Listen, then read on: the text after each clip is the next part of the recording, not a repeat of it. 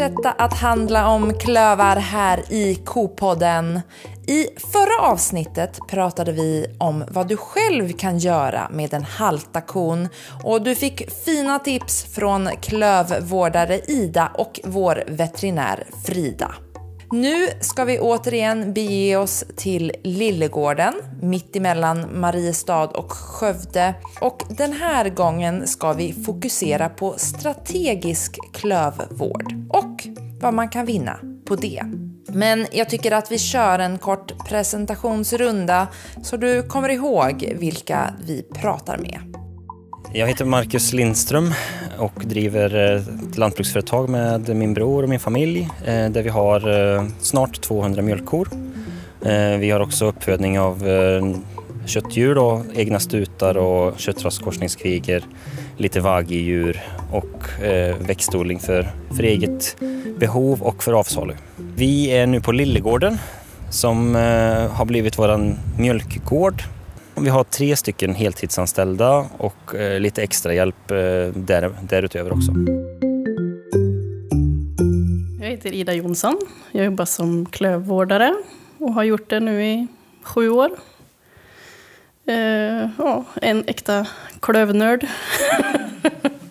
Älskar kor och klövar. Varför blev det just klövvård för dig? Eh, ja, det är en liten slump. Jag var lite trött på mitt gamla jobb och eh, ja, det fanns platser kvar på klövvårdsutbildningen. Och, eh, ja, jag har alltid haft någon sorts dragningskraft till kor, även om jag inte alltid har jobbat med kor. Eh, så att, ja, det föll sig ganska naturligt och jag tycker det är kul. Jag heter Frida Åkerström. Jag är veterinär sedan 15 år tillbaks. Eh, jobbar med stordjur och nu jobbar jag på Växas kunskaps och utvecklingsavdelning. Bara med frågor som rör klövhälsa. Och på halvtid så disputerar jag också inom klövar på SLU.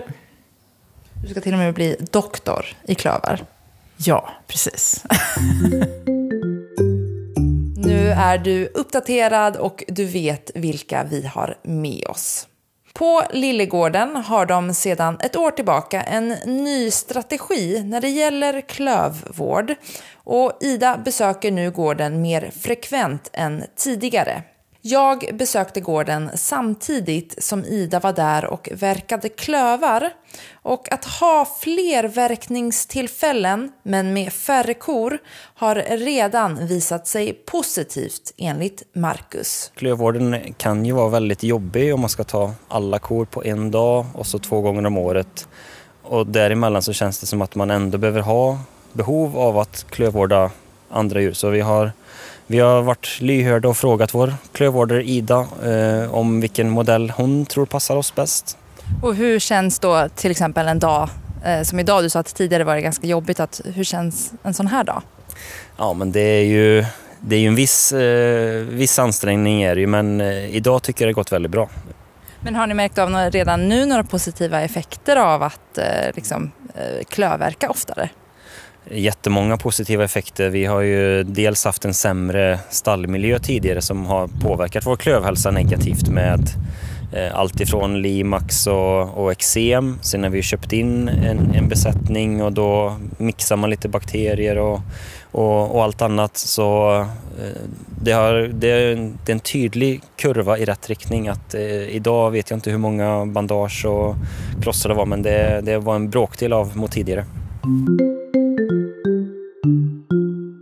Hur ser då den här nya strategin ut? I samråd med vår klövvårdare så har vi, provar vi modellen att köra var nionde, tionde vecka. Eh, och kanske 60-70 kor per tillfälle.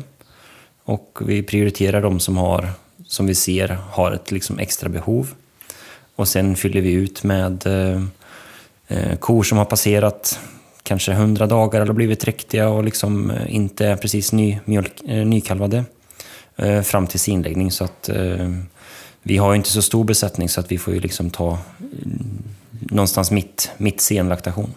Vad var anledningen till att ni kände att ni ville förändra strategin? Det är väl av den enkla anledningen att vi haft en dålig klövhälsa som kommer dels från vår äldre omoderna stallmiljö med trängsel och smala gångar som korna stått mycket med eh, smuts på klövarna helt enkelt. Så, och sen att vi har köpt in en del djur då, i och med att vi har utökat besättningen så, så vill vi ju ha så lite sjuka kor eller eh, kor som kräver vår, vår tid extra liksom. Så att eh, alla mår bra är vårt mål. Och hur såg det ut tidigare? Det var många bandage. Väldigt många bandage vissa perioder. Och eh, Eh, en del klossar också. Så det var ju liksom tråkigt. DD har ju varit eh, väldigt vanligt och, och, så. Nu känns det som att vi kommit, kommit framåt. Eh, vår, vår äldre strategi var ju att eh, egentligen ta en höst och vårverkning, hela besättningen på ett och samma tillfälle. Och, och någon extra på sommaren, liksom, kanske några, några extra kor.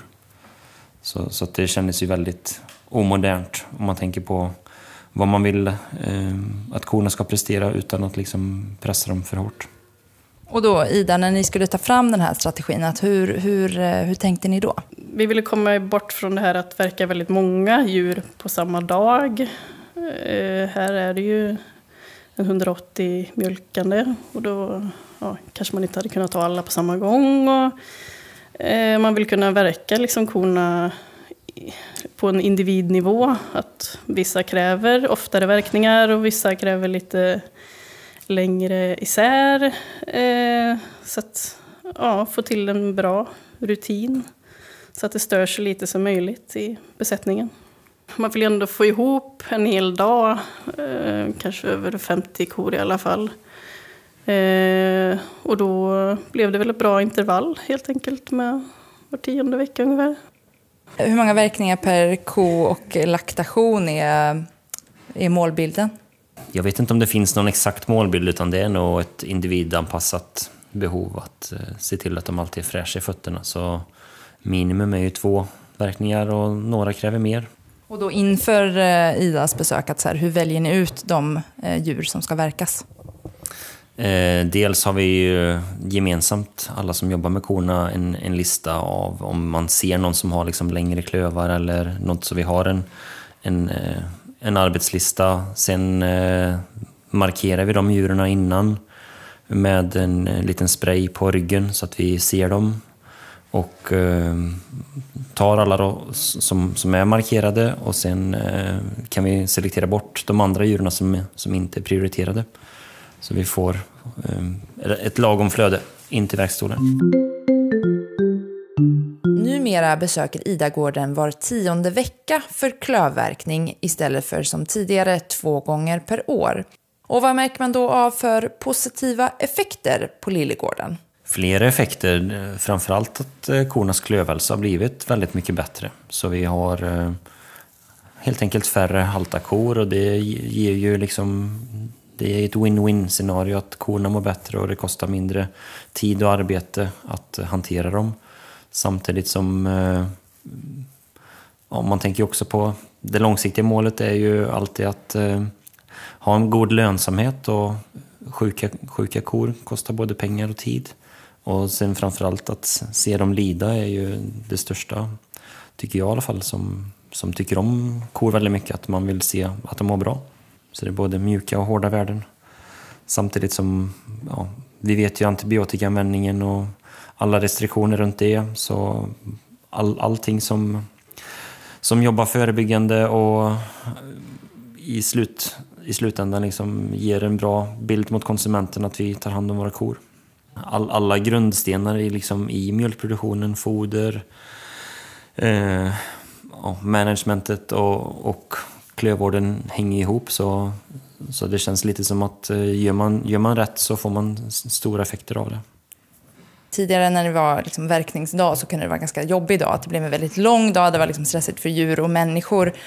Att, eh, hur känns verkningsdagarna eh, nu? De känns mycket lättare. Eh, man är ju inte så trött och man känner att man har mera energi och eh, mer energi är ju liksom bra så att man, man håller sig lugn när man väl försöker få fram djuren och inte stressar upp sig för eh, alla sådana stressfaktorer får det, kan få vilket djur som helst att låsa sig och, och det, det är inget roligt att behöva putta fram eller dra i en ko liksom i onödan. För då tänker jag Ida, om jag istället eh, frågar dig då, att, Eh, att byta till den här strategin, hur tycker du det har varit för dig? Eh, ja, men det funkar väldigt bra, tycker jag. Jag har ju många lite större gårdar som kör på den här strategin. Eh, och det liksom ger mig en bättre dag, eller vad man ska säga. jag hinner att hämta och lämna på dagis oftast och eh, får liksom mer tid till att verka korna individmässigt. Eh, behöver liksom inte stressa på heller eller känna att vi måste hinna med så många som möjligt. Eh, så jag tycker att det är väldigt bra med sån här strategisk klövverkning. Och det är liksom lugnare för djuren. Och det tycker jag det är det viktigaste för mig, att det går lugnt till och att alla är nöjda och glada. Frida Åkerström är veterinär och något av en klövexpert. Och hon ska få berätta vad som menas med strategisk klövvård och vad man ska tänka på när man ska lägga upp en strategi för sin klövvård. Eh, strategisk klövvård är ju då ett koncept som vi brukar kalla det i varje fall då när man väljer ut, istället för att säga att alla kor bara får två verkningar till exempel då per, per år. Eh, så att man faktiskt tittar på när i laktation man lägger de här två eller tre verkningarna, precis som Marcus pratade om att hans djur fick också. Då. Eh, och där finns det ju också en del eh, forskning gjord för att se ja, men när är de mest optimala tidpunkterna att utföra de här, de här verkningarna. För att man ska få så stor effekt som möjligt på klövhälsan, alltså så stor förebyggande effekt av den här klövverkningen som möjligt. Och då har ju bland annat har vi på Växa gjort en studie här där vi följde cirka 12 000 första kalvare under deras första laktation. Eh, och så tittade vi på lite när de här olika verkningarna utfördes. Och där kunde vi se att om man verkade kor ungefär i samband med sinläggning, alltså innan kalvning, och ungefär en till tre månader efter kalvning, eh, så hade man ungefär hälften så stor risk att ha en klövskada och ungefär 30 procent mindre risk att bli utslagen i andra laktation jämfört med om man verkade som första kalvar i andra intervall än de här. Då. Eh, och det det här baserar vi på hela tanken med det här sättet att verka ju att vi vet att de allra flesta klövskador uppkommer runt kalvning. Så att om vi därmed eh, verkningstillfället vid sinläggning ser till att de är i fin form inför kalvningen, de har rätt klövform, de har inga obehandlade klövskador, då är de i toppform klövmässigt för att kalva. Eh, och så kalvar de när de är i sin mest riskabla liksom, period för att få skador. Och då lägger man ändå en verkning, inte precis, inte månaden innan eh, de ska kalva, därför att det är en risk att de skulle kunna abortera till exempel, och inte månaden efter kalvning, därför att då är de nykalvade och det är inte optimalt att ta upp dem i verkstol. Men efter det eh, så kan man då ändå, om det trots allt skulle vara någon skada som uppkommer, eh, så hittar man den tidigt och det blir liksom bättre prognos för att den ska läka när man planerar sin verkning att man också ska verkligen tänka till när i laktationen man ska lägga den här verkningen? Ja, alltså om man nu skulle ha möjlighet att göra lite mer sådana här regelbundna besök, som Ida pratar om, att man har en clowder som kan komma oftare, eh, så att man har möjligheten att göra det här urvalet. Det bygger ju på att man har en klövårdare som kan komma oftare. Då kan man ju börja fundera på hur man ska välja ut eh, korna för klövverkning. Och då är ju det här ett sätt eh, att välja ut korna som vi enligt den här studien och andra studier har sett att det här är ett gynnsamt sätt för att förebygga att klövskador uppkommer. Då. Tänk om man kanske inte har den här eh, möjligheten eller förutsättningen ser annorlunda ut. Att om man, hur kan man tänka då kring urvalet av djur till verkning? Ja, har man inte möjlighet att klövvården kommer ut så ofta så att man kan välja ut just de här perioderna eh, vid sinläggning och en till tre månader efter kalvning så finns det också eh, andra sätt att välja ut djuren på som många gårdar gör. Dels här som Marcus pratade om då att vara i eh, ett visst intervall i laktation. Andra väljer ut efter de kor som har gått mest antal dagar efter senaste klövverkning och så vidare. Så att det finns ju andra sätt att göra det på också. Vissa Eh, väljer kanske bara att ta något av de här intervallerna, titta på alla djur vid sinläggning till exempel. Då. Eh, och sen kanske det andra intervallet efter kalvning blir mer flytande om man inte har möjlighet att ha det lika koncentrerat. Då. Så det finns olika sätt att göra det på. Vad kan vi säga då att det finns för effekter av att faktiskt ha en sån här mer regelbunden och en strategisk klövvård? Ja, men jag tycker också precis som Marcus och Ida redan har nämnt här att det är väldigt intressant med sån här strategisk regelbunden klövvård för att minska stressen både för djur och människor. För annars blir det ju, precis som de sa, i regel väldigt långa och arbetstunga dagar vid klövvård. Vid eh, mer regelbundna besök så blir det ju också en bättre uppföljning av de halta djuren. Eh, och ett snabbare omhändertagande om man har halta djur som man också kan ta med vid de här tillfällena. Ja, men så målet med sån här strategisk klövvård när man väljer ut korna efter vissa intervall i laktation, det är ju att man vill skapa de optimala förhållandena runt kalvning och att man vill samtidigt upptäcka de klövskador som trots allt uppkommer i ett väldigt tidigt skede. För även om man liksom förebygger klövskador med strategisk klövvård så kan det ju ändå uppkomma klövskador eftersom det finns andra faktorer också som påverkar klövhälsan, inte bara klövvården.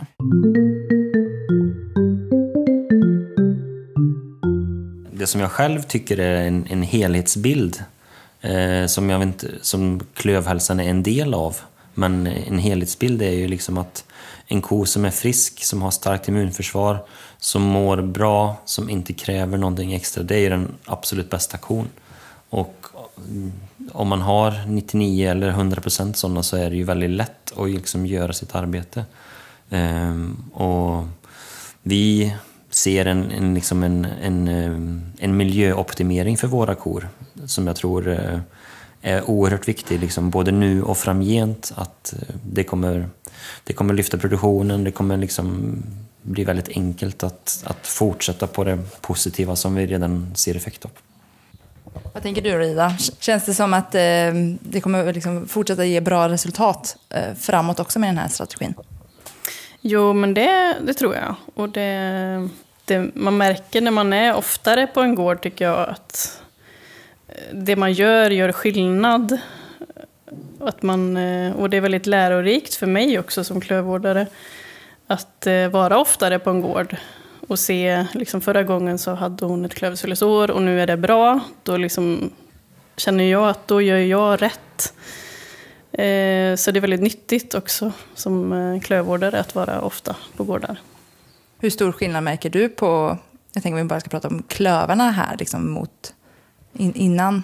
Eh, ja, men det var ju mest eh, problem med DD innan och det har ju blivit väldigt mycket bättre, bara det.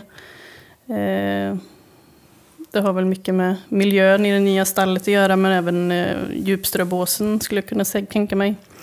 Att de går och lägger sig ordentligt och vilar och att det är gott om plats för dem. Om jag ska tänka högt så är ju klövhälsan en väldigt stor del i management eh, liksom runt korna.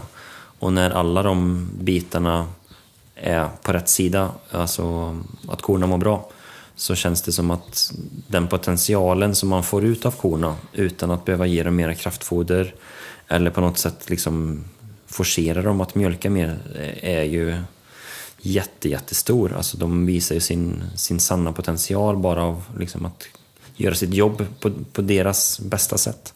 Så nu har vi ju kor som liksom snuddar på 70 kilo per dag, det har vi aldrig haft tidigare. Så det är också jättekul.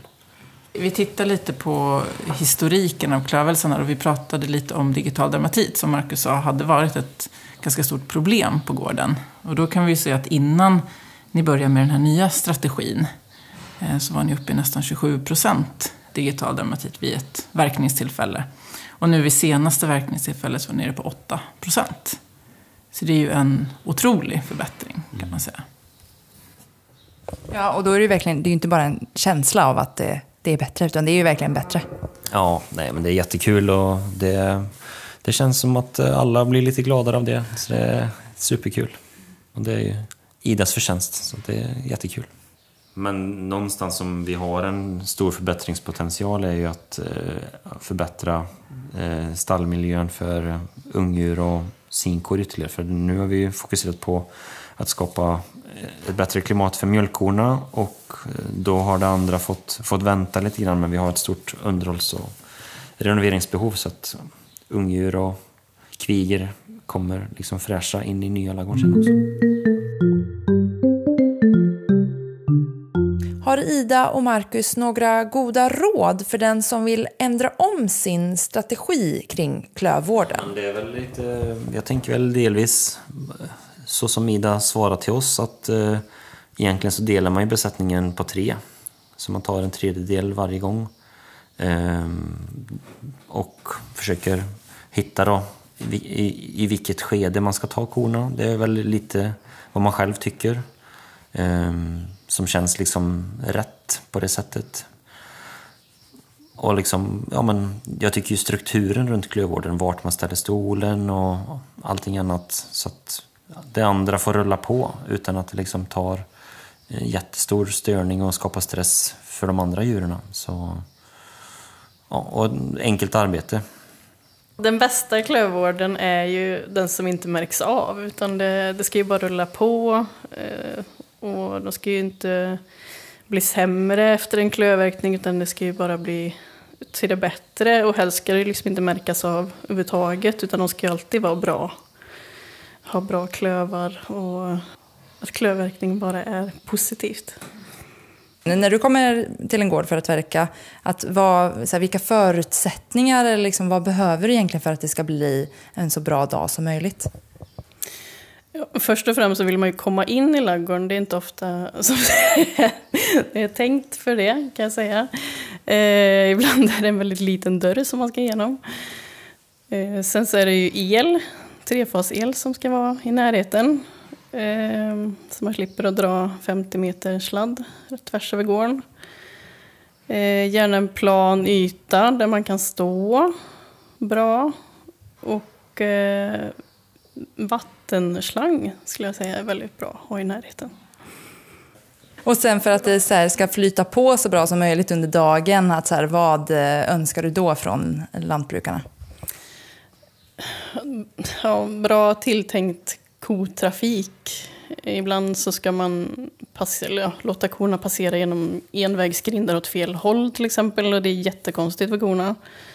Eh, så att man har tänkt igenom så att det blir ett bra flyt och så naturligt som möjligt för korna.